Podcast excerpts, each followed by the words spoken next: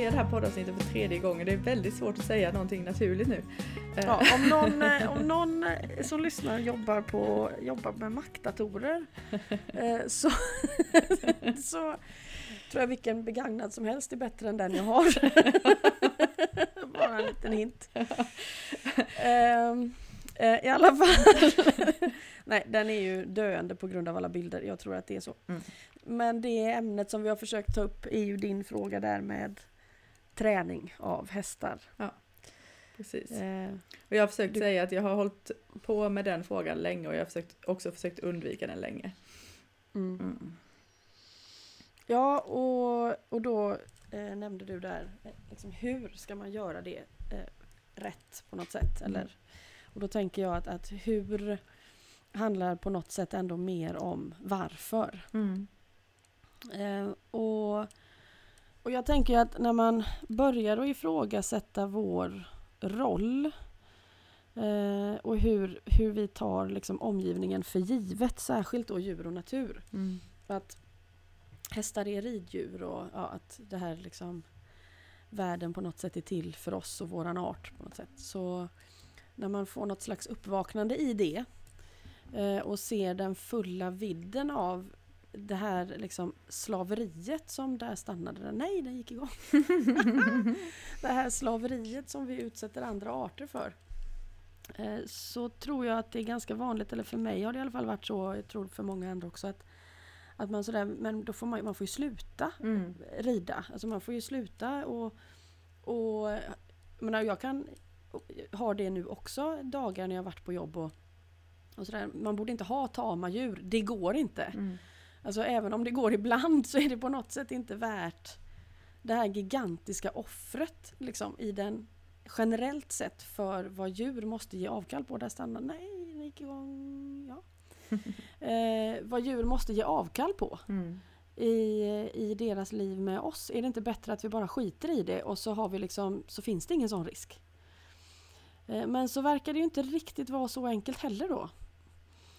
För att eh, som hästarna hemma till exempel och eh, de övriga djuren också som har varit väldigt engagerade i att starta den, de här utbildningarna till exempel. Och, och vi har ju flera stycken hästar som blir otroligt besvikna om, om det inbokade ridpasset inte skulle bli av och så. Men sen kan jag ju samtidigt också se att vad det gäller riddelen då så har vi ju ändå 65 hästar och det är väl ett 20-tal av dem som tycker att, att ridning är där det händer. Vad man ska säga. Så att man kan ju inte säga att jag... Jo, men eh, Eh. du sa att det, det, det handlar inte bara om att göra det rätt så skulle alla vara för att, intresserade. Mm. precis därför att jag, jag tycker att i traditionell ridning så framför man det ofta som att om, du, om hästen inte gör det du har tänkt dig, Mm. alltså du ber om en galoppfattning, det kommer ingen galopp- galoppfattning, så beror det på, då kan man ändå sträcka sig så långt som att säga att det inte är hästens fel, men att det fortfarande beror på att jag gjorde inte galoppfattningen rätt. Underförstått, hade jag gjort allting rätt så hade hästen gjort det jag hade väntat mig. Mm. Och där tycker jag att det finns ett problem. Mm. Mm. För där förutsätter vi ju att den andra är följsam förutsatt att allting är korrekt utfört. Mm. Eh, och då har man ju ändå inte utgått ifrån att den andra kan ha en egen vilja. Nej, precis. Och om vi, om vi tar det... Och också ha rätt till, alltså rätt att uttrycka sig och rätt att ha en åsikt, vilket vi skulle tycka vore högst normalt i alla andra typer av Mm. relationer. Mm. Och om vi tar det till, till din och min värld just nu då. Eh, Det som får mig att ta upp det här ämnet nu är ju att hästarna hos dig har skickat med oss hemuppgiften där, där hästar ska ledas och eh, ja, men ridas på promenader också. Mm. Och eh, alltså eftersom, eftersom att jag då ja, har undvikit den här frågan så har jag heller inte ehm, Alltså jag har gjort, på något vis har jag ändå gjort mycket saker med hästarna men det har ju inte inkluderat att sätta på en grimma och gå en promenad. Eh, vi har gått promenader när de har initierats och då har det varit i hagen liksom. Och, eller eller jag, har, jag har ju klättrat upp och suttit på. Eh, I vissa fall så, så kommer ju, alltså några av hästarna här kan ju Alltså då, då, då är vi vid en sten och så blir jag liksom inbjuden att komma upp men det är ju inte som att jag då har någon koll på vart vi går eller så. Eh, Så, Nej, så där någonstans också- börjar vi då. ja. Mm. Men jag tänker också att vad det gäller just MIO-övningar och liksom hemuppgifter så tänker jag att varje uppgift, det blir också väldigt tydligt när de praktiseras på kursen, Mm. Är ju en dörr på något sätt. Och vad som sen händer när man öppnar den dörren, det har man ju egentligen ingen aning om. Även om det står liksom gå bredvid ett djur och gör si eller så. Mm. Så fort man har påbörjat det så kan ju det slå över i vad som helst annat. Eh, på samma sätt som man också skulle kunna använda det som en ursäkt för att backa ur då. Nej, men min känsla är att backa bort. Mm. Ehm, det är ju det där att hästar verkar ha den här besvärliga egenskapen att de vill att man överlämnar sig och de vill att man tar plats i sig själv. Mm. Och att det här måste ske i någon form av balans i förhållande till individen. Mm. Att om jag blir totalt viljelös så är jag också ganska tråkig att umgås med. Det kan vi ju själva relatera till. Mm. Eh, Men om hela vår relation bygger på att jag måste få som jag vill annars har vi haft en dålig dag. Så blir man ju lika meningslös att umgås med. På något sätt så kräver de ju det här besvärliga både och Mm. i samklang. Mm. Men då, då kommer ju nästa... För annars, annars blir det liksom inget. Eh, och då, ja, oavsett vad man bommar på av dem så blir det inget. Du, du kan vara otroligt eh, dominerande och, och ta plats i dig själv och, och skapa en situation. Alltså vara kraftfull nog till att skapa en situation men det kommer aldrig någon upplevelse om inte överlämnandet är närvarande. Nej. Och du kan vara väldigt bra på att överlämna dig men glömma bort att kliva in i rummet och då hjälper det liksom inte. Du måste också ha någonting att lämna över. Mm. Så att jag tänker att om, om, om du kommer hem med den uppgiften och det startar hela det här. Mm. Eh, då, då är uppgiften i full gång. Ja precis, det gäller ju bara att fortsätta. Och, då, och där handlar det ju liksom om vad händer när just du, just idag eller just i den sekunden tillsammans med just den här hästen i just den sekunden ställer den frågan till varandra. Det är ju relevant. Mm. Men det finns ju verkligen ingen mall för vad som borde hända där. Det, det gör det ju definitivt inte. Nej. Nej.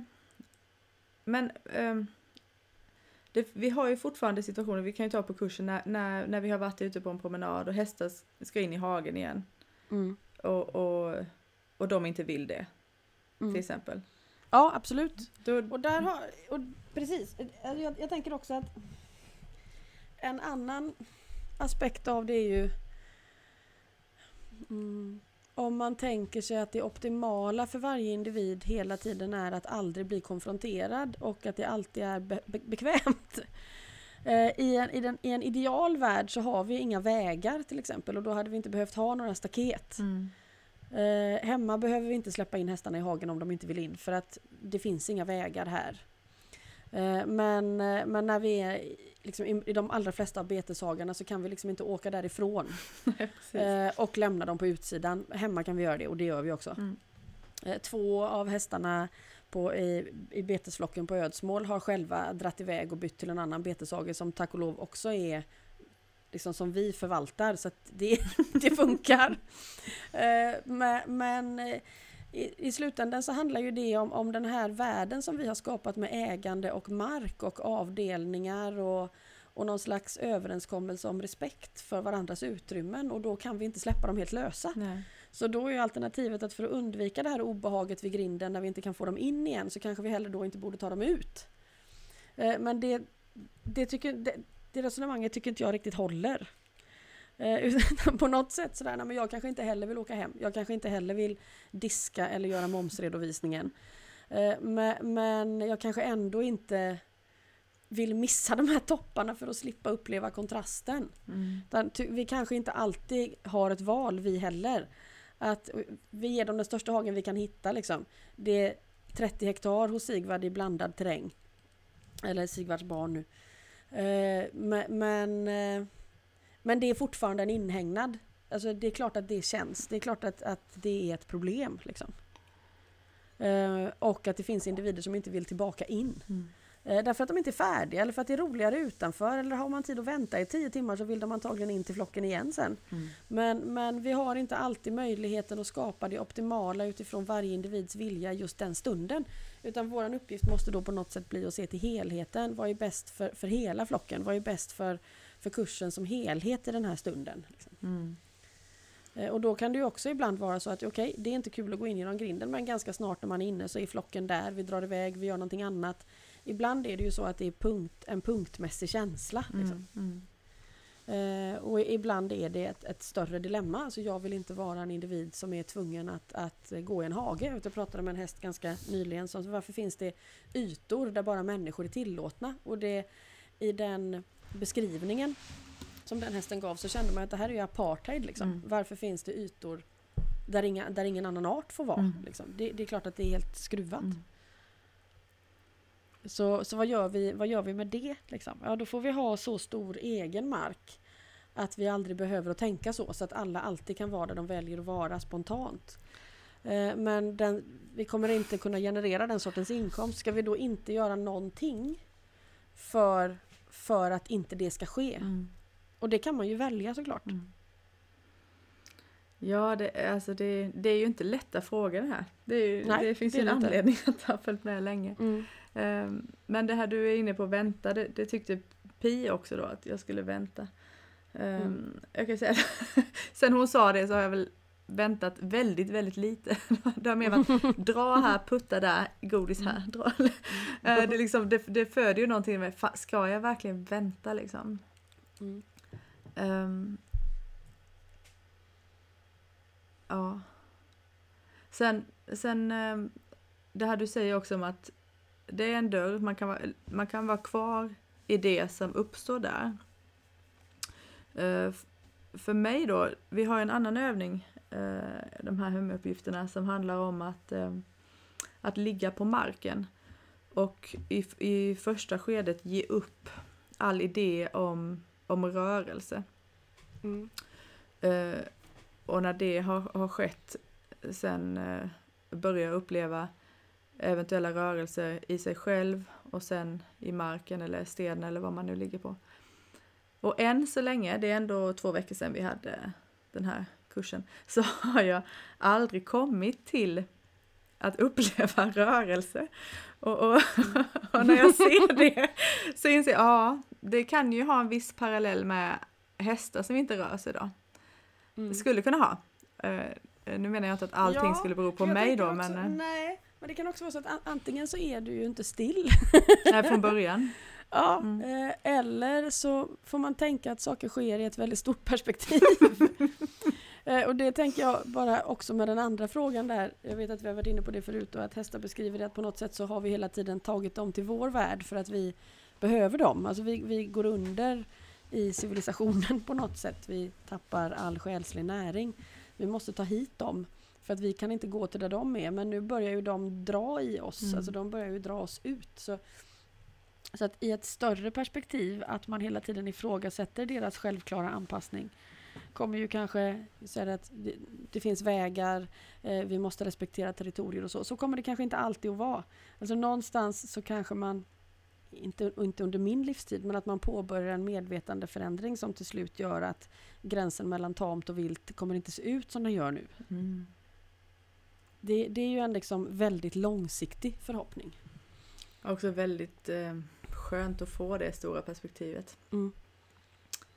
Och då tänker jag också i, i kontexten av att den här stilla rörelsen också tog form eh, i samband med, med uråldriga berg. Mm. och vad har de för, för tidsintervall? Liksom? Mm. Eh, att eh, du kanske i väntan har burit på en förhoppning om att den ska övergå i någonting och då är det ju fortfarande inte stillhet. Nej, precis. Eller så, så är du inte färdig med stillhet. Det, alltså att man kanske också vill vara, man kanske inte vill därifrån. Ja, det, det känns mer så. Mm. Um, det, det, kan ju också bero på att jag är småbarnsmamma och att jag eventuellt somnar. nej, men alltså, nej men det finns ju en väldig dragning just nu mm. till, till stillheten. Det går inte att komma mm. ifrån. Um, därför att och jag, jag, jag skulle inte kunna se något fel i att låta den och, och, och, och vara där. Liksom. Var, varför Nej, jag... Det är samma igen om du öppnar en dörr och så händer det, ja men var där då. Mm. Ja precis, jag ska inte Det känns ganska idiotiskt att se det som ett problem. ja. Uh, ja, om man inte går iväg då det som jag gjorde nu i den här mm. uh, hjärnstyrda delen och försöker pussla ihop bitarna kanske. Ja, därför att man på något sätt tänker att vi, jag ska ju få till övningen också. Mm. Och så fort den tanken kommer så upphör ju alla möjligheter till det. Mm. Eh, särskilt också med Mios grundtanke om att så fort man har ett mål så är det därmed omöjligt. Mm. Så, ja, Mm. det, det går inte. Det, och det blev väldigt tydligt i den kurshelgen vi hade nu att saker liksom sker hela tiden i ett sammanhang. Det kan aldrig bara ske. Det sker aldrig bara med mig. Liksom. Det är alltid i en kontext. Så det är ju också marken du ligger på är ju en aktiv part i den här upplevelsen till exempel. Mm. Eh, Du, du var inne på vilja innan. Mm. Alltså just det där att, att eh, kliva in och ta del. Mm. Um, och där, där vet jag att jag själv gärna missuppfattar det här. Ibland så säger du, "Hur- hur, hur gärna vill du detta? Mm. Och då, det, det enda jag hör när du säger det är liksom, "Ja, men kan du, kan du rent fysiskt få hästen att gå? Och, och så tänker jag, det är ju inte det Emily säger, det kan inte vara det Emily säger. Nej, men jag, Men- jag tror att det är ja. så här att ska man ställa en fråga till hästen eh, så att den överhuvudtaget är intressant att svara på ur hästens perspektiv så måste jag ställa den med hela mig. Ehm, alltså eh, ehm, ja, utan att lämna ut någon här, det hände, en väldigt, det hände så många spännande saker i helgen. Mm. Eh, och eh, en deltagare skickade också liksom extra kommentarer på det efteråt, vilket var väldigt spännande att läsa. Men då handlade det om att hålla en häst i en övning och den här hästen stökade runt en del. Eh, liksom tog huvudet över staketet, drog ner staketet, fick liksom fart på de andra, det hände ganska mycket. Eh, och sen så lugnade det ner sig lite grann och så gick jag bort och gjorde någonting annat och när jag kom tillbaka så var hela gruppen helt så stilla på ett sätt som man inte tror är möjligt. Mm. Särskilt inte i den flocken och särskilt inte under de följande 20 minuterna. Liksom. Då var dessutom hälften av hästarna lösa förutom de som deltog i övningarna. Då. Så det är en väldigt spännande situation. Eh, och sen så kommenterade den här kvinnan det här efteråt och någonstans så hade hon ju kommit till ett stadie där, där hon liksom på något sätt fick nog av det här stöket och ville uppleva stillhet. Mm. Eh, och jag tror att någonstans jag har inte hunnit svara på det här ännu så på något sätt så svarar jag ju nu på det i podden. Jag kanske kan meddela henne detta.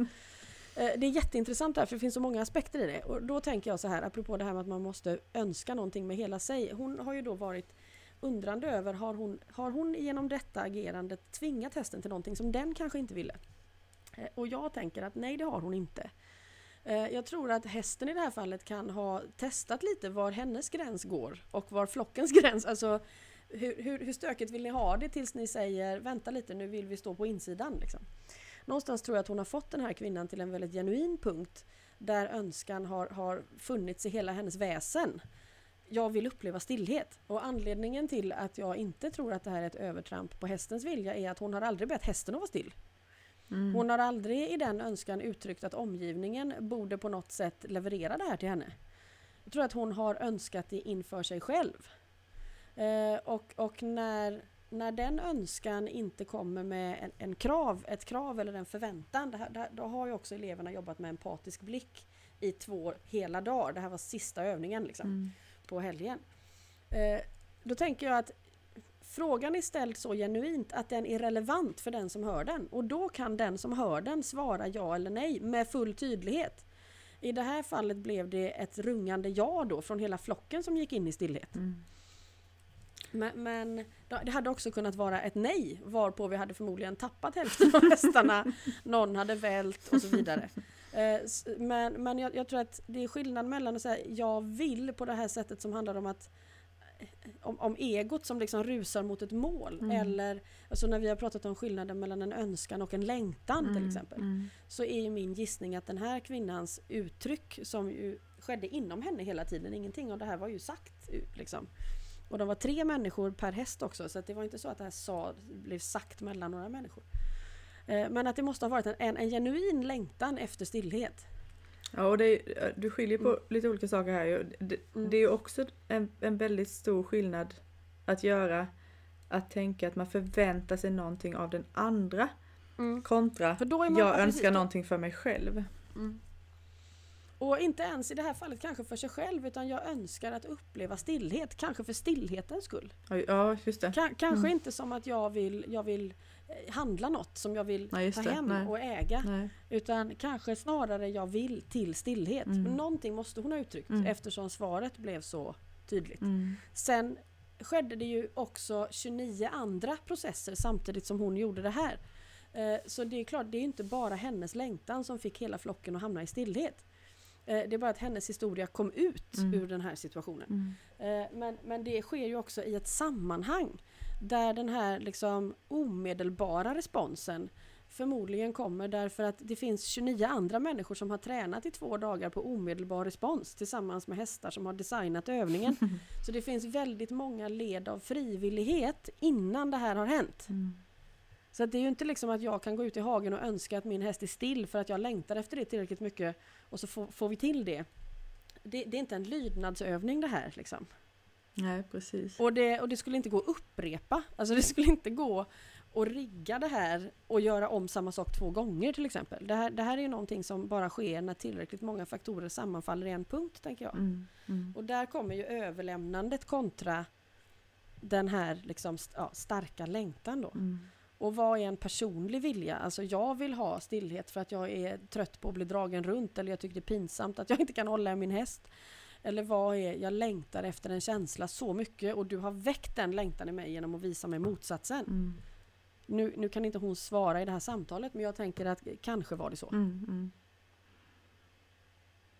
Ja, väldigt Men det var, det var en, en stillhet som var liksom oförglömlig. Mhm.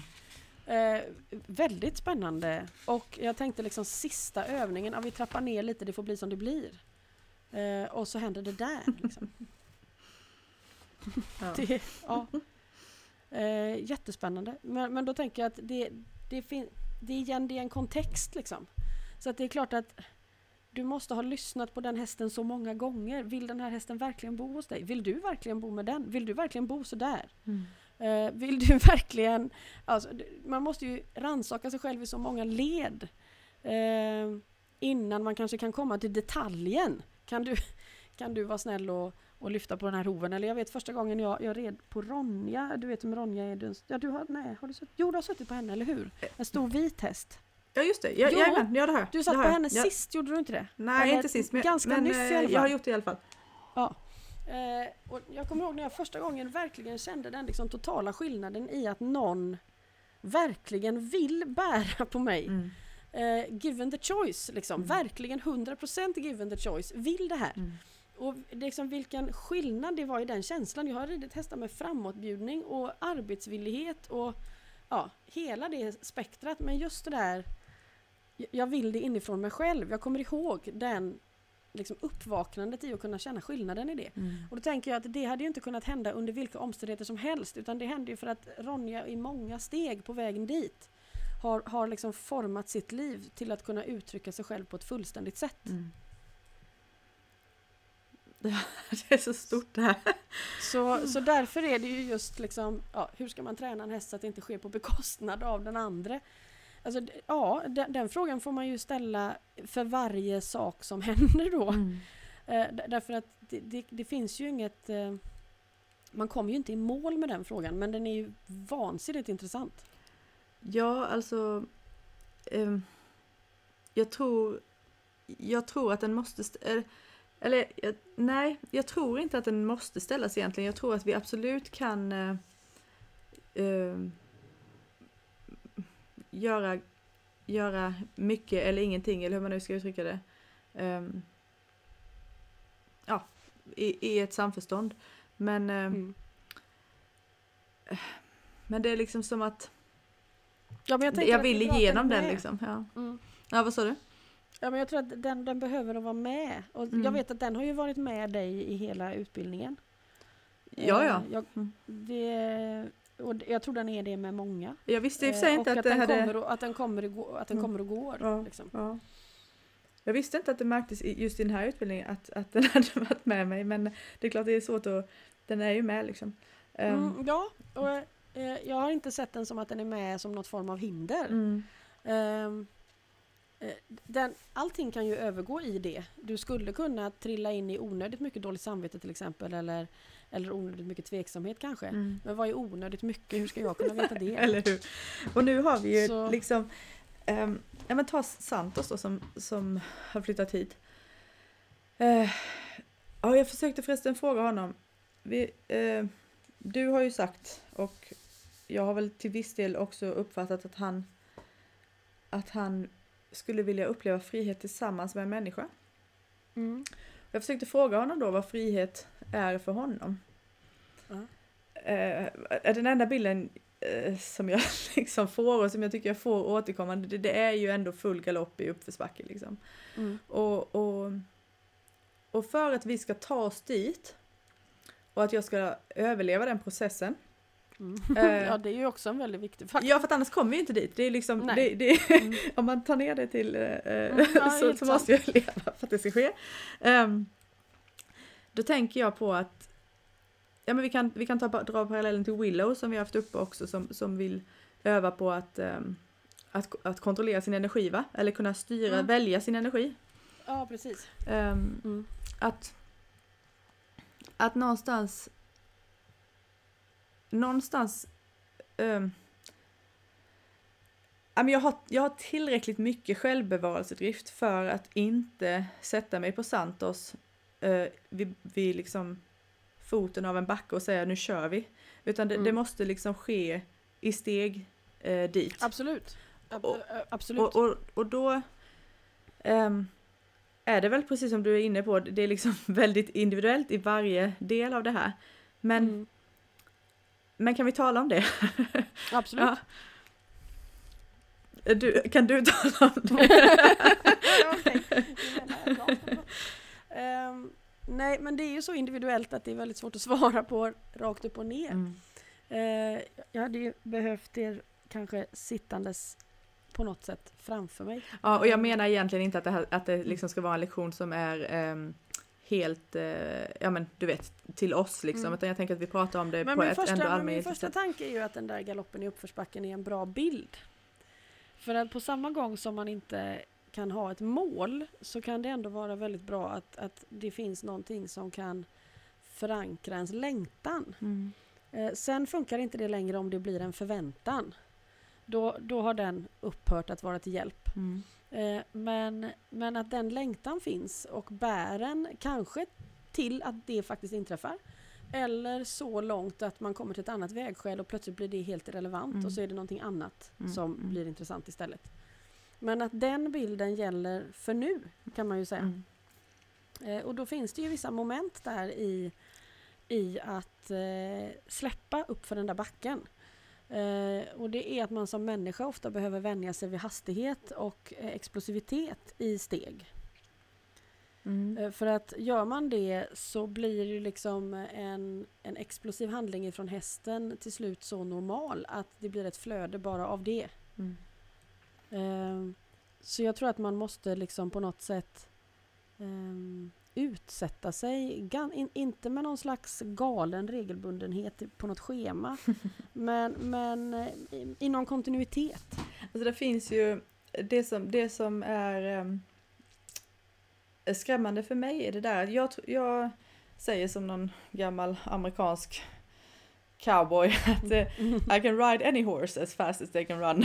alltså Mm. eh, det är för mig inte problemet. Alltså finns det en, och det är ju det, finns det förutsägbarhet, alltså då är det ju Mm. ganska lugnt, eller hur? Men eh, Så det är oförutsägbarheten som... ja, ja men det är det ju. Ehm, Mm. Eh, kommer det ett stopp ur liksom maxhastighet? Kommer det eh, Mm. ett hopp åt sidan? Kommer det som Santos som, jag menar jag kan ju se de flesta Ja, hästar jag sett det- är ju 180 grader, han kör ju 3, 360 liksom. Mm, det gör ju Foxy och de här också. Ja. Eh, men vad man behöver göra då det är liksom att acceptera det. Mm. Så det är, samma, det är en tillvänjning som måste ske. Alltså det är ju en Eh. acceptans av att dö i sådana fall. Mm, ja, det är det i slutändan. För att i, i, i acceptansen så finns det en möjlighet för dig att inte kämpa emot. Mm. Eh, och i det momentet så kommer du att sjunka ner i sadeln och ha en chans att följa med i de här 360 graderna. Mm. Om du inte ger dig utan fortfarande inte vill att det ska hända då kommer du fortsätta framåt Mm. när han fortsätter runt. Mm. Därför att det finns ingenting annat som kan hända Mm. än det. Mm. Om det är det du har bestämt dig för. Mm.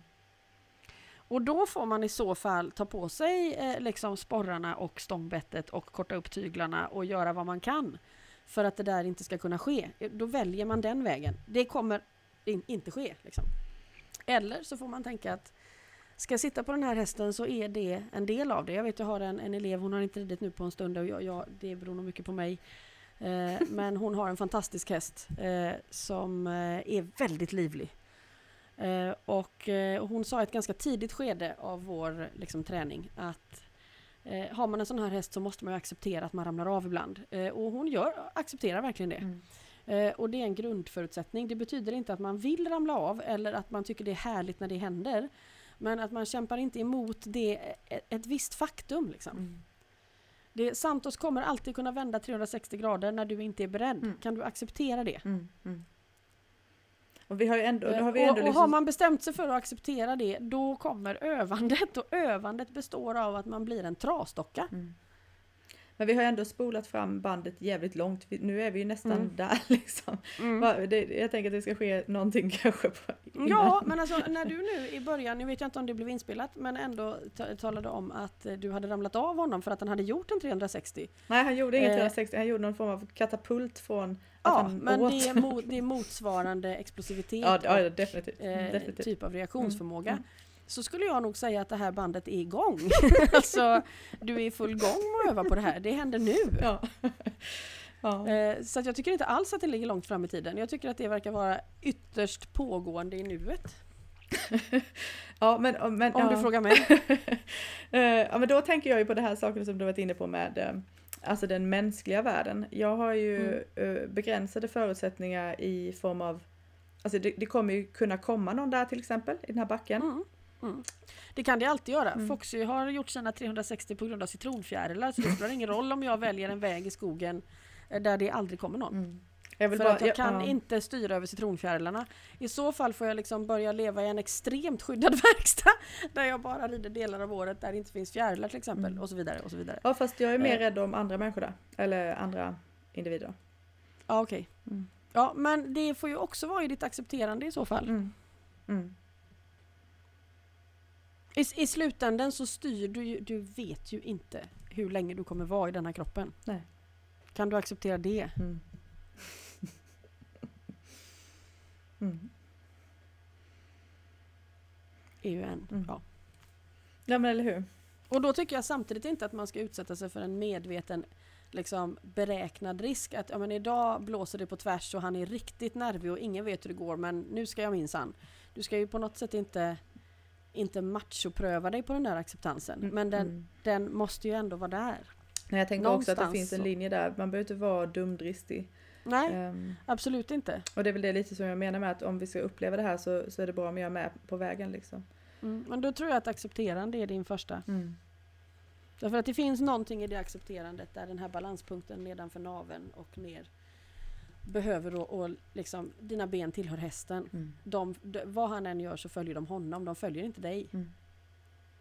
Så även om det strider mot vad du själv hade valt eller tänkt eller tyckt så, ja, so be it. Dina ben kommer följa honom. Mm. Ja, Men spännande. han förväntar sig förmodligen i samma grad att du håller dig på plats Mm. i överkroppen.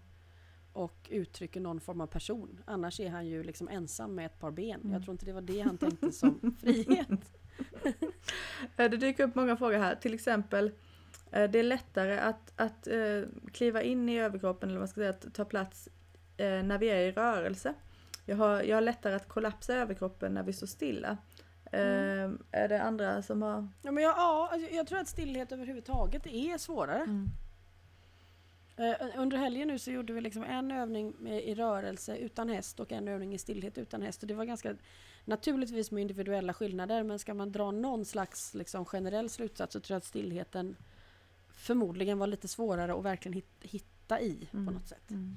Det, det, det kräver ju en slags upprepad kontinuitet i närvaro. Med rörelsen så får du ju ett händelseförlopp liksom, Mm. att förhålla dig till. Mm, mm. Sen, eh, sen ska vi ta oss till foten av backen. Alltså Mm. någon form av, ehm, ja vi kallar det styrning då. Mm. jag har inte corona. Eller kanske jag har. Ja, det kanske du har. Vi vet inte. Nej, ingen vet någonting. Eh, nej, men jag tänker att om det är en gemensam önskan att gå till foten av backen, Mm. om man på något sätt har kunnat vara åtminstone så, så säker på det som man kan vara. Man har dubbelkollat med sig själv och den andra och stämt av och jo, men båda vill dit. Så fort man börjar ta sig dit så kommer det ju dyka upp saker. Mm. Eh, som testar det man behöver för att klara det. Eller det som ligger i vägen för att man ska kunna uppleva det fullt ut eller så. Ehm, så det, det är inte så kanske troligt att det blir helt motståndslöst att ta sig till botten på backen. Och betyder det då att man ska ge upp den idén? För att den ena eller andra parten inte vill? Eller är det någonting som man ska möta? Eller är det ett tecken på att det är inte tid riktigt än? Eh, det kan man ju bara avläsa i stunden. Mm. Har du någon form av, ehm, alltså använder ni generellt liksom tryck och eftergift eller Alltså hur, ja men vi, de, de här öppnande hjälperna är ju också Mm. en, en frågeställning som jag alltid har. Mm. Ehm, Ja, alltså det verkar ju som att om man använder den klassiska underskänken, mm. alltså du spänner upp vaden mot hästen. Gör man det som man kanske traditionellt sett har lärt sig det så kommer man ju också samtidigt att inåtrotera höften. Så då har du minskat det upplevda utrymmet för hästen och tillfört eh, någon form av liksom obehag. Om det är liksom starkt eller inte Mm. beror ju på situationen Mm. och hur hästen upplever det. och, och det är klart att då har du försatt hästen i en situation där det är svårt att ta sig fram men du måste göra det för att det är obekvämt att stå kvar still. Mm. Det, det känns ju kanske inte optimalt. Eh, men om man utåtroterar höften eh, och, och möjligtvis i så fall lägger ett tryck från baksida lår. Alltså mest för att uttrycka din egen styrka i dig själv. Då har du ju sådär, jag har öppnat vägen och jag har hittat min egen drivkraft. Vad tänker du göra? Mm. Till exempel. Mm. Det, det är en, ett möjligt uttryck. Jag vet Mariam till exempel som från att hon var, som min äldsta dotter, har, har, tycker att det är otroligt obehagligt att se när någon sparkar en häst i magen och bestämt sig för att aldrig låta skänken nudda hästen. Så att när hon verkligen vill någonting så sparkar hon utåt som en sprattelgubbe. Ja det ser härligt ut. ja. Och det är väldigt många hästar som reagerar positivt på det. Mm. Därför att det genererar energi. Det gen, alltså hon, hittar, hon hittar en öppning och hon genererar sin egen rörelseenergi. Det är ungefär som du tänker att två hästar står stilla och så börjar den ena galoppera och vad händer då med den andra? Liksom? Mm. Då har hon, hon har ju börjat röra sig. Mm. Och hur svarar den andra på det? Mm. Och, så, och där har vi man kan ju också använda öppnande hjälper. Det, är så svårt att prata om, terminologin blir så helt förvirrad. Att Mm. använda det öppnande hjälper för att, för att svänga. Alltså man Mm. kan ju nästan inte säga så. För det är fortfarande Nej, bara men- en, men- en nej, man öppen liksom- dörr. man liksom. kan- Ja, man kan underlätta för möjligheterna. Mm.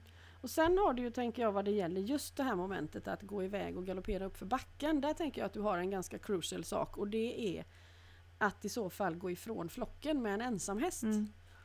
Eh, och det skulle jag ju säga att ja, vi som har så himla många hästar att den här dragningen till att stanna kvar i flocken och inte vilja gå därifrån alltså inte vilja lämna de andra den blir förstärkt ju fler hästar man, man har i den gruppen. Ja, nej, jag, ja, Eh, jag tror jag så- knappt att det vi- skulle vara en möjlighet faktiskt ens heller. Så, så Mm. vi, vi har väldigt få hästar eh, som jag menar, då har vi många som vill ut och, och verkligen uttrycker en, en markant glädje när vi är ute så att jag tror inte vi har bommat på det.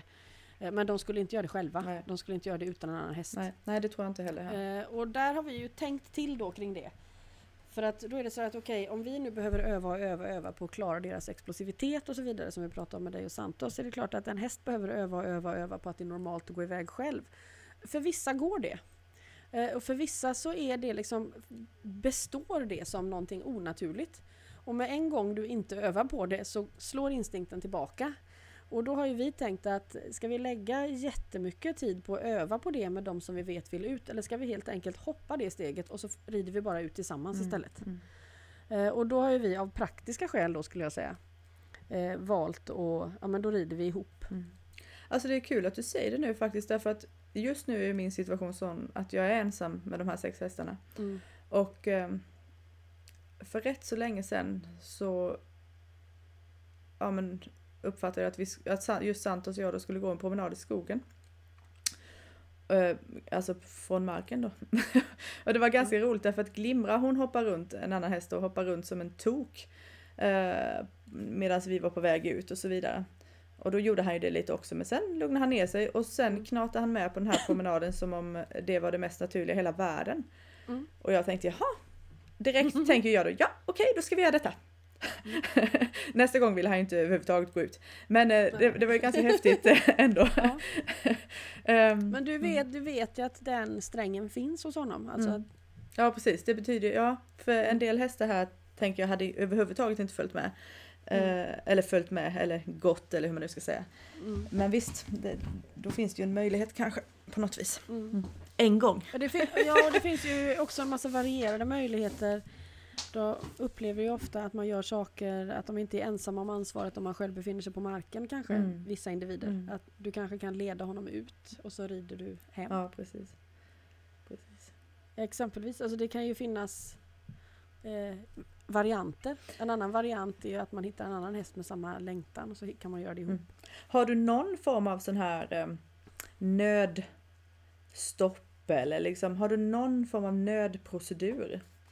Ja, det är klart att man har. Eh, alltså de som vi rider med bett, då är det ju Novabett då som inte har någon hävstångseffekt. För det verkar som att det är liksom hävstångseffekten är det största problemet med bett. Och nu har vi ju ett antal hästar som har valt bett given the choice och ett antal som har valt inte. Men eh, eh, ja, alltså jag kan ju se att jag tänker mig att det är en nödbroms. Men jag tror inte riktigt att det är det i slutändan. Det beror på hur du använder det och det är ju egentligen utan oavsett om det du är bett eller inte. Utan att det står, alltså Ja, en häst som verkligen tar bettet och vill dra med det där böjliga lilla silikonsnutten i munnen gör ju det. Mm. Eh, Så jag tror att det mera är min tanke om att det är möjligt att nå fram som i så fall utgör själva nödbromsen. Men, själv, men det är ändå så Annars att, ligger ju nödbromsen mycket mera i, i, an, alltså i hur jag andas Mm. in emot och behöva stanna. Mm. Det är det som jag och Sintra har övat upp och det är det som också fungerar bäst. Mm. Det är bara att för, för att kunna använda den så måste man ha en sinnesnärvaro. Det fungerar inte om jag har blivit rädd liksom, Mm. för då håller jag ju andan. Mm. Eh, men, eh, men det är ju det som... eh, Men egentligen finns det ju ingen nödbroms. Alltså har du satt det på en häst så har du satt det på en häst. Ja, alltså för när du pratar om bettet här, eh, då utgår jag ändå från att du tänker att nödbromsen är att, att du drar i tyglarna i princip. Ja precis. Och du vet, då böjer sig ju bara det där bettet. Ja, ja. Jag vet Nero som är en, en energisk och pigg häst, väldigt positiv och väldigt vänlig. Men han, han ville ju gärna göra saker och så, så skulle vi prova vad han ville ha på sig. Och så beskrev han, eh, fick han prova ett Novabet eh, och för han ville gärna ha någonting i munnen. Okej, vi provar ett Novabet. Och så höll han det där i munnen ett tag så beskrev han att han hade tänkt att han har varit så uppbetslad överallt han har varit för att han är så het. Och så var så när han kom till en ny plats, undrar hur tänker de här? Vad kommer de här att stoppa in? Och så tittar han på mig och bara, men det här är ju en attrapp. och då var det så här, ja jag hör dig men det hade varit bättre för mig om du inte sa så.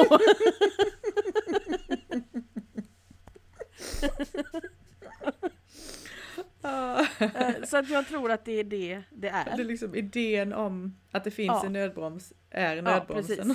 Jag tror att Novabettets egentliga funktion hos de hästarna som väljer att ha det är att det finns en väldigt elastisk tråd som går att använda igenom fingerleder och axelleder och så. Mm. Eh, i, eh, I en slags töjbar kommunikation med diagonalerna i kroppen.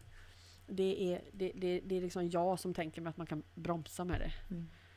För det, det tror jag inte egentligen kanske är den huvudsakliga funktionen. Mm. Och det är inte så heller som vi lyckas bromsa de gångerna vi är tvungna. Mm. Men om jag, om jag ska försöka uttrycka vad jag tror du har sagt. Eh, så alltså egentligen all typ av, av hjälpgivning. Alltså nu, nu får ni, nu blir det de ord som det blir och så får vi försöka Mm. reda ut det. Ehm, all form av Ja men liksom nu, nu Ja, gå hitåt, gå uttryck. ditåt. Ja, Ja. den gångat, Mm. bla bla bla. Eh, I princip, om jag förstår dig rätt, så skapas det av varje ekipage i varje stund. Mm, precis. Okej. Och då tänker jag att det är liksom optimala med den här, liksom det som i så fall skulle vara ett fysiskt uttryck. Som ju inte alls alltid heller är nödvändigt för den sakens skull. Mm. Men så handlar ju det om att kunna uttrycka en idé eller längtan eller så från den ena parten.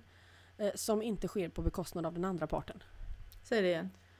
Att, Uttrycka en eh, längtan eller idé som inte sker på bekostnad av den andra. Ja, Mm, precis. mm. Eh, och det ska ju då också kunna ske i motsvarande grad. Alltså att hästen skulle kunna initiera ja, men jag skulle vilja hit eller jag skulle vilja byta till den här gångarten, hur känner du? Mm. Mm. På ett sätt som i, en normal vänskap är begriplig för båda parter. Mm. Och det, och det tänker jag att man utvecklar om man, om man liksom fortsätter att arbeta utifrån en gemensam idé.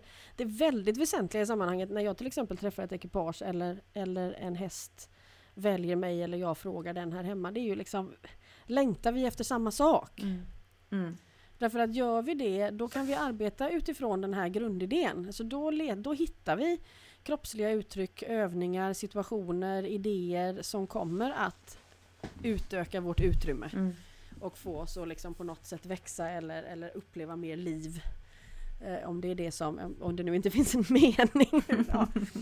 Eh, men om vi faktiskt inte längtar efter samma sak, då spelar det ju ingen roll, då är vi där igen. Då är det hur vänligt jag än gör det och hur mycket jag öppnar möjligheterna för att gå framåt eller höger eller vänster. Eller, så kommer ju den andra bara säga, jag hör dig men jag är, är inte intresserad, det här är inte det jag längtar efter. Liksom. Mm.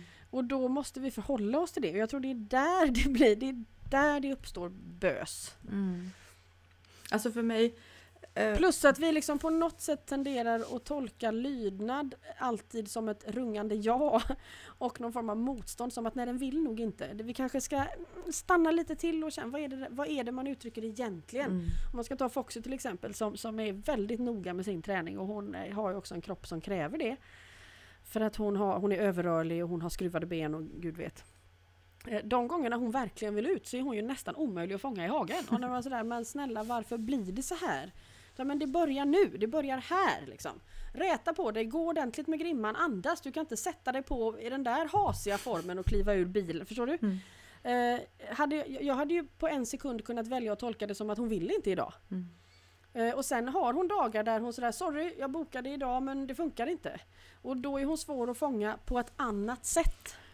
Ja och det där de- är ju det är ju då ja. alla önskar att de vore dig. För att man Ja, ser det men, yttre men det där liksom. kan man ju öva upp Mm. om det är det även utan, utan liksom den inre kontakten så kan man öva upp förmågan att läsa av de gradskillnaderna Mm, också. Mm. Om man verkligen är intresserad av det. Mm. Mm, ja, det är bra. Jag tänker på när du säger det här, för, eh, och jag är tillbaka lite på det här hur mycket vill, hur mycket vill jag det här?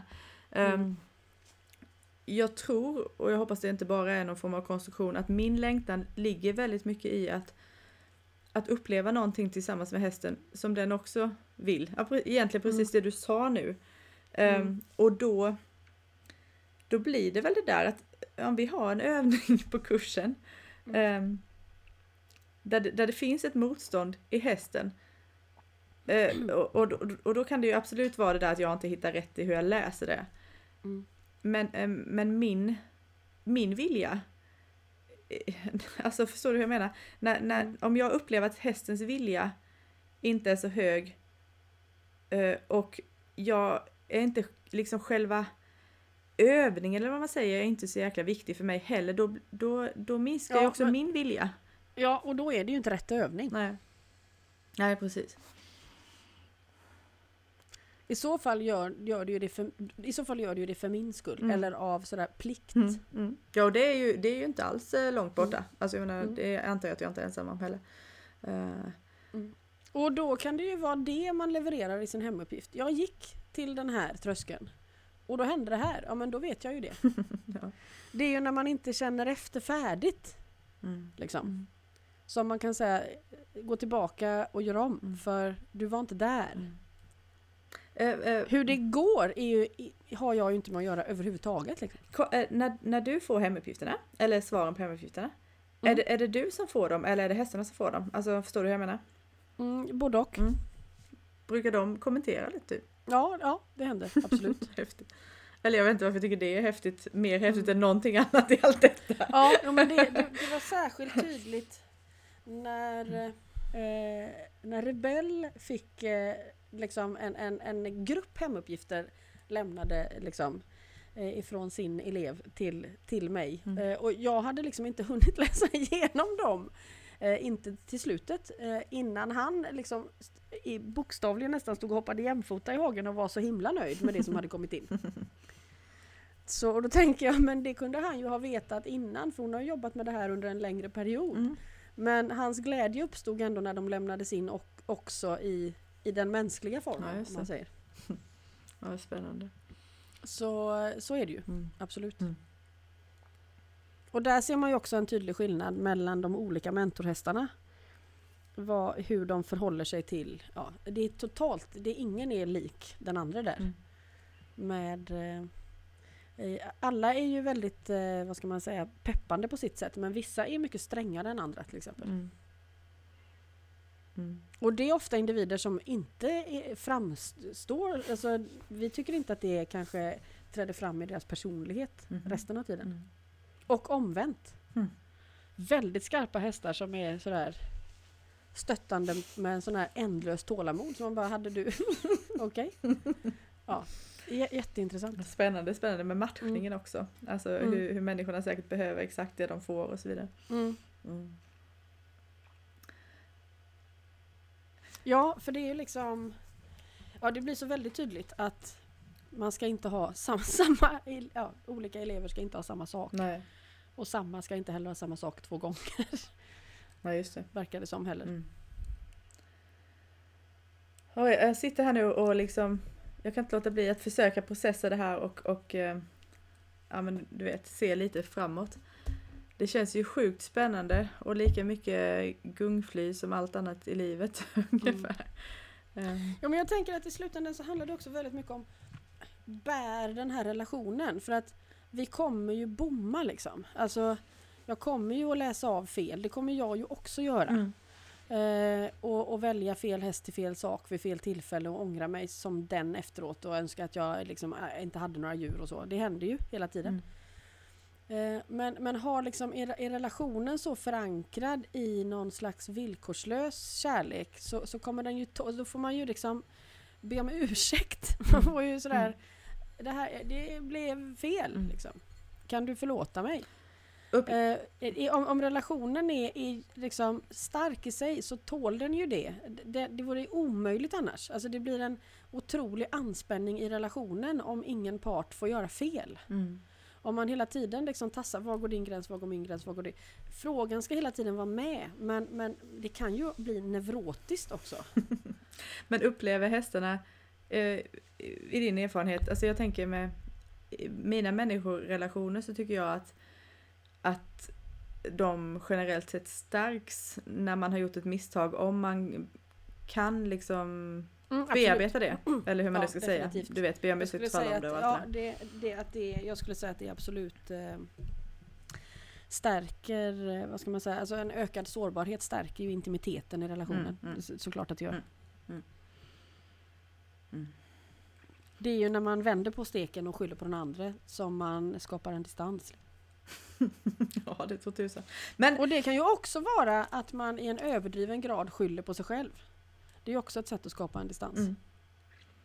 Ja, det, vad var det du sa någon gång? Eh, två ändar av samma galna snöre eller sånt där. Ja, ja, precis. ja, men det är ju det. Ja. Behovet av att skuldbelägga är ju ett, det blir ju trassel av det. Mm. De här frågorna vi har talat om idag, är de liksom färdiga i dig? Nej, inte överhuvudtaget. Nej. Nej, absolut inte. Eh, och särskilt inte i mitt jobb. Där kan det ju finnas liksom massa situationer där man bara Nej, fan den här hästen borde inte ha någon på ryggen alls. Eller Nej, här tar vi av alltihopa. Eller nu bara bryter vi. Eller, och så inser jag att jag, jag kan inte börja på den punkten här. Det går inte. Eh, då får jag gå härifrån och det kanske jag borde för min egen liksom, heders skull. Eller så lugnar jag ner mig och tänker hur mycket av det här är min vilja nu som härjar runt Mm. och min, mina åsikter. Och vad skulle liksom kunna öka friheten för just de här där de befinner sig nu? Mm. Liksom. Mm. Ja, för jag tänker att du Eh, måste för, ju det, ofta... för det är ju för varje, för varje ekipage som kommer på träning Mm. så är ju det Mm. en ny fråga varje gång. Alltså det är ju inte säkert att det är samma hos den. Vet, jag har en, en ponny på träning i, i, eh, Göteborg, en jättehärlig ponny. Som är, är liksom, är djupt omtyckt av sin familj. Han är verkligen en familjemedlem på ett väldigt tydligt sätt. Eh, han är liksom inte så pepp och ha- han blir jättenöjd när han får igenom en stor kraftig rörelse genom kroppen. Då mår han bra i hela sig, lite som vi kan göra av att springa själva. Men det är en tröskel dit och tröskeln dit för honom är att han vill inte göra det ensam så att människor får springa med. och vi ska då gärna springa med på ett ganska liksom provocerande sätt. Du vet liksom jaga honom eller, eller liksom, du vet, så här, spruta med, med fötterna i sanden. Eller, alltså Mm. göra en väldigt aktiv gest. Och det kan man ju om man ser det tänka, här de jagar runt den här hästen. Eh, och så fort man slutar så stannar han och bara Ja men skulle inte du med? och sen när han har hittat det i sig själv, när han till slut liksom kommer upp i den styrkenivån att han hittar det, då är det sådär okej släpp jag har det. Mm. Och, och, då, och då kan vi gå därifrån Mm. och sen är han jättenöjd efteråt. Mm. Då fortsätter han tills han liksom tycker att han är färdig. Och så kan vi lägga till små övningar. Hans ryttare har ju en balans som få människor har för hon gör också det här barbacka. Men, men eh, där är liksom ett, ett, ett jättetydligt exempel på någonting som man kanske inte väntar sig. Mm. Mm. Och för någon annan är det släpp allting, rör det inte. Vi står här och väntar. Vi, vi tar in den här hästen i ridhuset och så står vi här. Mm. Eh, kanske, i, eh, ja, kanske ett halvår varje gång vi möts. Vad som nu krävs tills den hästen känner att det här utrymmet är tryggt att vistas i. Mm. För att allting handlar för den individen om vad som inte händer när man befinner sig i den där miljön. Mm. Och så har du hela spannet däremellan. Ja, precis. så det är klart, jag- det, det här, den här frågan är jag så otroligt inte färdig med. Mm. Ja, för just det där väntandet och, och just ett halvår, det, det, ja, det, det, det, nästan exakt den där formuleringen har jag, har jag mött under de här veckorna. Och, och fasiken vad lätt det är för mig då att låsa mig ja, där har vi det! Vänta! Mm. Det, det är bara vänta som gäller liksom. Mm. Ehm, och då, ja, det, det är igen då, då är man nere i det där diket Ja men, det, igen. men, ja men det är också, jag tänker de här övningarna ni har fått på liksom, är det ja eller nej eller är det ja? Eller är det jag vill men, men jag måste, det måste vara någon mer som tror på mig. Mm. Eller ja jag vill men faktiskt inte just nu men jag är på gång. Mm. Eller nej verkligen inte och så vidare. Mm. Jag hade en häst i träning för flera år sedan som var väldigt alltså, utbränd i tävling och träning. Och behövde liksom bearbeta det här i, och ville det eh, i ett ridhus för att stå i det där. En väldigt tuff häst. Så hon stod i det där och hon stod alltså månad efter månad efter månad. Och sen en dag så var det så då började hon röra sig i pyttesmå cirklar runt, runt, runt sig själv. Och sen när hon hade gjort det i en stund så var det så här, nej men då ville hon ändå ha hjälp och ta sig ut och hitta sin energi liksom. Men hon löste det inte riktigt själv och då då var Mariam väldigt liten så Mohammed var med och det var kallt och det var vinter och det var det här ridhuset och den lilla bebisen var med. Och av någon anledning så hade Mohammed tagit på sig hennes mössa som ju satt som en, som en liten blå topp uppe på hans huvud och så bestämmer han sig för att när nu jäklar ska han hjälpa den här hästen att hitta sin energi så han börjar springa bredvid henne som en galen furie med den här lilla blåa bebismössan bredvid. Och det tänkte jag, ja det här var ett ridhus där vi inte har någon publik. Så, ja, hur skulle jag förklara? Ja, det här är Mio-träning. Liksom.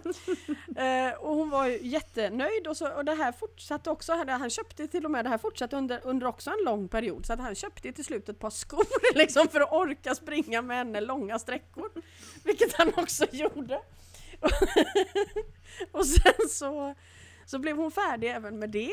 Eh, och då insåg väl liksom alla inblandade att nej, men nu är hon klar med ridhus. Hon är faktiskt inte intresserad av träning längre. Så då red de ut, det tyckte hon var kul. Och sen kom det till att Ja fast man behöver ju inte rida jämt utan man kan göra det när det är riktigt bra väder och när ja, Mm. Ju bättre hon mådde liksom ju mindre behövde hon för ju mer hon bearbetade ju mer blev hon också färdig med. Och hon är ju liksom en väldigt livsnjutande individ den här personen. Så tjejen började inse att ja, men nu längtar vi inte efter samma sak längre. Eh, Så då blev det ju tal på i familjen att men vi kanske då ska skaffa en häst till. Eh, Och då hittade hon en häst som verkligen längtade efter fart och hoppning. Och då skulle den här tjejen på provridning och jag skulle vara med. Och jag hade haft den här hästen i träning som hon skulle provrida också. En het häst, eh, men inte så het som han var med henne. Hon satte foten i stigbygeln och han ven runt. Att alla stod och höll andan i den här paddocken och tänkte nu välter de. Till och med jag tänkte de välter. Eh, och det gick, det gick liksom inte att hejda honom jag vet att när han verkligen springer den här hästen så har jag ibland gått och ställt mig in i mitten och så får han springa mot mig för då hittar han en punkt liksom. Mm. Så jag sa det att får du nog där ute så ställer jag mig i mitten så styr du på mig. Nej, jag älskar det här! Hon bara log i hela ansiktet. Så den där hästen åkte med dem hem. Eh, och, och ja, det blev en historia där. Eh, men sen så fick de lite dåligt samvete över den här första hästen. Så de sa vi kanske ska ta med henne någon gång så inte hon känner sig utelämnad. En ganska vanlig tanke tror jag. Och, så de tog med henne, hon travade fram till ett hinder, tvärstannade, tittade på mig och bara Alltså jag trodde att det här var orsaken till att vi hade köpt Bruno, som den andra hästen heter. Och det var, det var så snyggt liksom. och sen åkte hon hem igen och sen tror inte jag att hon har varit i något ridhus mer. Inte med mig i alla fall. Mm. Men det är många liksom, positiva saker, liksom, aspekter i den historien för där har du hela spannet Mm. av att vänta, av att våga, av att sen också kunna avstå och Mm. må väldigt gott i det. Mm. Men så kommer det någon annan som verkligen vill just det. Ja, precis. Eh, och det finns inget, det är inget känslomässigt dilemma i det. Nej. det. Det är inte så att de här hästarna har tyckt att den här tjejen är skyldig den ena eller andra något utan det har bara varit väldigt praktiskt för båda parter att de är olika varandra. Mm. Liksom. Mm. Hur ofta är det att, att ehm, ja, man upplever att hästen har en längtan som kanske då korrelerar med ens egen och sen flyttar de hem och sen har det där ändrats? Det skulle jag nog säga kanske är oftare än vad man Mm. önskar sig. ja, men, jag tänker också Ja. det att det är, ja, men, Alltså ibland tror jag att önskan som uttrycks, eh, för det här, alltså hur ska man nu säga? Det beror ju också på var man befinner sig i förhållande till sig själv, alltså hur Mm. väl känner jag mitt inre? Mm, mm, Om jag är en häst som är född in i ett ganska uppenbart slaveri, om man nu väljer att se det så. mm. Ja, då vet Eh, man ju inte. Ja, där liksom jag vet på något sätt att grundförutsättningarna för att jag ska överleva är att jag levererar vissa saker, för så var det för min mamma, mormor, mormors mor också. Mm. Så när jag frågar den individen vad vill du? Så är ju det, så är ju svaret på den frågan kommer ju i ett sammanhang. Mm. Precis. Eh, och, eh, och då är det så här, ja men jag, jag vill, jag vill göra, ja. Jag vill hoppa eller jag vill göra, tävla eller vad det kan vara. Det kan vara sant. men det kan också vara ett uttryck för vad jag förväntas säga. Mm. Och det är ju samma när du har en, en människa med en häst. Vad, vad vill du liksom? Ja men jag vill tävla och träna och ja det kanske man vill. Men det kanske också är det som man förväntas vilja. Alltså det, det här väcker en spännande fråga för ibland så tänker jag att när vi eh, ja, men uppfattar det som kommer från hästarna, att det då på något vis skulle, kunna, skulle komma från själen. Alltså att det skulle vara fritt Mm. från allt det här andra. Men Mm. eh, det är det ju uppenbarligen inte då. Nej, alltså, det betyder inte att det inte kan vara det. Mm. Men jag tänker att det finns ju liksom stadier i var man befinner sig i livet som, som förändrar sig under livets gång. Också ett genuint svar som kommer ifrån själen kan förändra sig under livets gång. Det som är viktigt för mig i en viss ålder kanske inte är det sen. Nej, nej, självklart. Men eh, kan du skilja på kan du skilja på det? Om man säger så. Jag skulle säga att jag nu kanske kan skilja på det lite grann.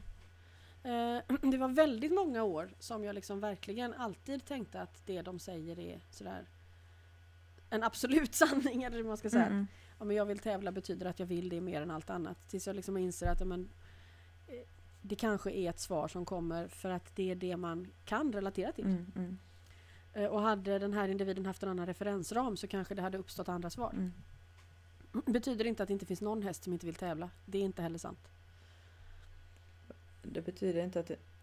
Ja, alltså det finns hästar som vill Ja, ja, tävla. ja, ja, också när man verkligen kan välja. Men jag skulle inte säga att de är riktigt så många att de fyller den startlistan. Nej, men, men nej. Mm. Det, alltså det, men det var ju lite som... Det är ju lite som att det finns så många systemfel i detta. Mm. Eh, ja, från hur mycket vi avlar och så vidare. Så vidare. Så det, ja. Ja, plus att liksom väldigt många tävlingsgrenar är upplagda utifrån att vi tävlar i, i vem som är skickligast i att, att kontrollera eller bemästra hästen.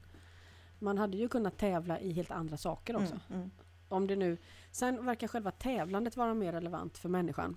mm, Hästen är i så fall mer intresserad av att utmana sig själv mm, mm, än, än att övervinna någon. Mm. Liksom. Så just tävla, prisgrejen och så, den är nog kanske mer mänsklig oavsett. Men, men att utsätta sig för situationer där man får pröva sig till det yttersta finns det ju ett antal hästar som är intresserade av. Mm. Absolut. Mm. Det finns en bra vers i Tao Te Ching om det där som jag läste nyligen. Just om hur en, ja men hur en general, eh, ja jag kan ju inte såklart det ordagrant, men, men just det där att man, man önskar inte att ens medtävlare skulle vara dåliga, utan man önskar att de verkligen är på sin topp. Så att man Mm. får, får möta sin egen ehm, topp. Ja, eller hur? alltså det, Absolut. det handlar inte om att vinna i den man vinner, man vill inte vinna för att den andra är dålig. Utan Nej. i så fall så det är bara en, ja men som en plattform för att, att utmana sig Mm. själv som du säger. Mm. Absolut. Jag vet att jag träffade en häst i, i Norge. Jag vet inte om jag har berättat det. Har jag har berättat det här någon gång. Jag kommer inte ihåg när. Som först beskrev sig själv som väldigt eh, lugn och cool och nöjd och så här, ja, levnads... Eh, så här, eh, vad heter det? Livsnjutare liksom. och sen bytte han bara. Det var som att man bytte bok. Och så visade han en väldigt eldig, liksom passionerad version av sig själv. Helt okontrollerad, som flög liksom. Med en sån sån här sintra explosivitet i hela sig. Eh, I förhåll om hindret bara var tillräckligt högt. Mm. Så jag sa det till den här tjejen, vad, ja det, han säger det här och det här. Ja, säger hon, det stämmer och det ena hindren är över 1,60 och så bara löste jag om henne också. Så, så- och, du, och du tycker det är okej att han drar iväg så här? Ja absolut! Det, det, liksom, och jag förstod att det var ju därför de hade mötts. Mm, Liksom. mm. För att det här att tappa kontrollen när det verkligen gällde var någonting som var relevant för, för de här två. Mm. Så det fanns ju ingenting att lösa Nej. eh, där. Jag tror att bara hon blev glad av att det kanske blev sett då. Mm. Men, och hästen kunde liksom på något sätt också bekräfta att hon var så betydelsefull för honom för att apropå det här att göra någonting tillsammans då. Mm, mm. Och det är klart att hade han nu haft en annan typ av ryttare som inte hade upplevt njutning i det ögonblicket där, då hade ju han kanske fått leta efter en annan matchning. Mm. Ja, det, ja, och det, är ju, det är ju inte så många kanske att hitta, Nej. eh, som han hade kunnat söka sig till. Nej, och som hade gjort det av den anledningen som då inte bara hade velat plocka hem en massa resultat Mm. med det här. Mm. Liksom, utan som gjorde det för känslans skull. Mm. Det var ju väldigt tydligt att den här tjejen gjorde. Eller gör förmodligen. Nu kan jag inte vara i Norge men jag gissar att om båda har hälsan så är det det här de håller på med. Ah, men, ja, nu börjar jag... Um, jag vet inte vad jag ska säga. Jag börjar... Jag börjar orden börjar tryta, frågorna börjar tryta. Um, Ja, Men men, jag- det är ju, har ju gått lång tid då. Men det är det att ämnet aldrig blir klart. ja, jag, jag tänkte nu har vi precis kanske det. inte heller haft andra ämnen som blir klara. Men det här blir ju verk- Det finns ju ingen slutsats alls att dra här. nej, nej, och det- jag tror att vi kommer återkomma till det, men, men ja, jag är ganska glad att, vi, att det kom upp. Ehm, Mm. Därför att eh, just mötespunkten på något vis mellan det väldigt konkreta och det ibland de, ja, låt oss kalla det här väldigt konkret, det kanske var att ta i men, ja men det Ja, är men ändå, det, en tycker prakt- det ja. handlar ju om, om ett liksom Ja, praktiskt ja, förfarande. ja men det gör det. Eh, Mm. och, och, men, men det är ju ändå i mötet mellan det praktiska förfarandet och allt det här andra som vi kanske har ägnat de första tio avsnitten om, Mm. eller till. Ja, där händer ju också- saker. Ja, precis. Jag tycker också att det är bra att börja i den änden. Eh, därför att det är liksom, men det är, vi letar ju efter liksom Gud eller alltet eller vad vi nu vill kalla det för. Mm. Universum, det ogreppbara. Mm. Eh, och ja, kan man hitta det sittande på en häst så varför inte liksom. Mm. Men då är det bra att komma ihåg att det är därför. Jag kommer ihåg som Nastja sa att eh, den här, det här ryska barskistoet som var, eller är väldigt upplyst. Att det finns eh, Hon, väldigt vänligt. hon finns inte hos liksom. er eller? Nej det var hon som nej, var nej, på eh, hon finns på. Gotland. På Ja, på Gotland. Jaha, okej. Eh, och hon, en minnesbärare från Uralbergen, hon som talade om det stora vänliga. Mm. Eh, och hon, eh, hon, hon förklarade liksom väldigt lugnt att eh, det finns ingenting i er värld som jag vill ha. Mm. Men om någon av er vill besöka mig där jag är så är ni alltid välkomna. Mm. Och av den anledningen kunde hon också absolut tänka sig ha någon på sin rygg men inte av någon annan anledning. Mm. Spännande. Så det är också en aspekt av det. Mm. Mm. Och, och väldigt generöst av henne tycker Ja, jag. verkligen. Eh, Jag träffade, eller jag var hos osteopaten idag som en följd av eh, av, av ramlingen då. Ja, Och han, han eh, eh, det här, vi pratar om allt möjligt som också ligger då utanför osteopatin men han, eh, han visste ju då att jag kom för att jag hade trillat av. Eller flugit av eller vad vi kallar det. Och eh, så sa han, ja, jag, jag har ju träffat en del djur men jag försöker hålla mig ifrån det. Och hästar är så väldigt jobbigt för de skriker så satans högt. Mm. Och de, de är så kontaktsökande, eller, eller de pratar så högt liksom. Och han fixade inte det där riktigt. Alltså, och de, de pratar om allt möjligt.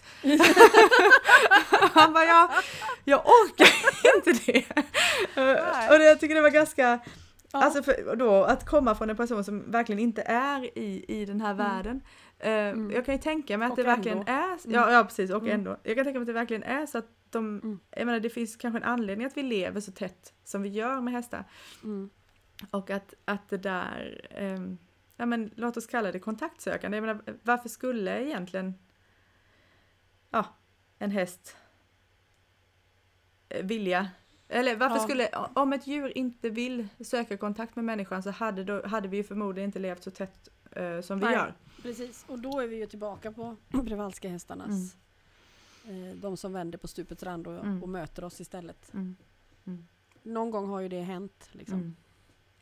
och upprepade gånger. Mm. Mm. Ja, och ser man det metaforiskt så händer det ju hela tiden. Mm. Ja, absolut. Mm. Och det är ju där som man kanske liksom önskar sig en, att vi hade varit lite mer tacksamma över att det sker. Mm. Det är ju liksom en nåd att de gör det, Mm. att de inte lämnar oss i sticket. Mm. Och det kan jag känna ibland när det liksom är eh, motigt i liksom, arbetssynpunkt där att fan, kan folk inte bara sluta klaga på att hästen inte ställer till höger eller vänster eller hoppar eller går eller står eller vad det nu är Mm. och bara liksom i en sekund vara tacksamma över att vi får vara där överhuvudtaget. Mm. Mm. Så ja, Mm. Det avslutar vi med, det gör vi. verkligen. ja, tack för att ni lyssnade. Vi hörs om ett tag igen. Det gör vi.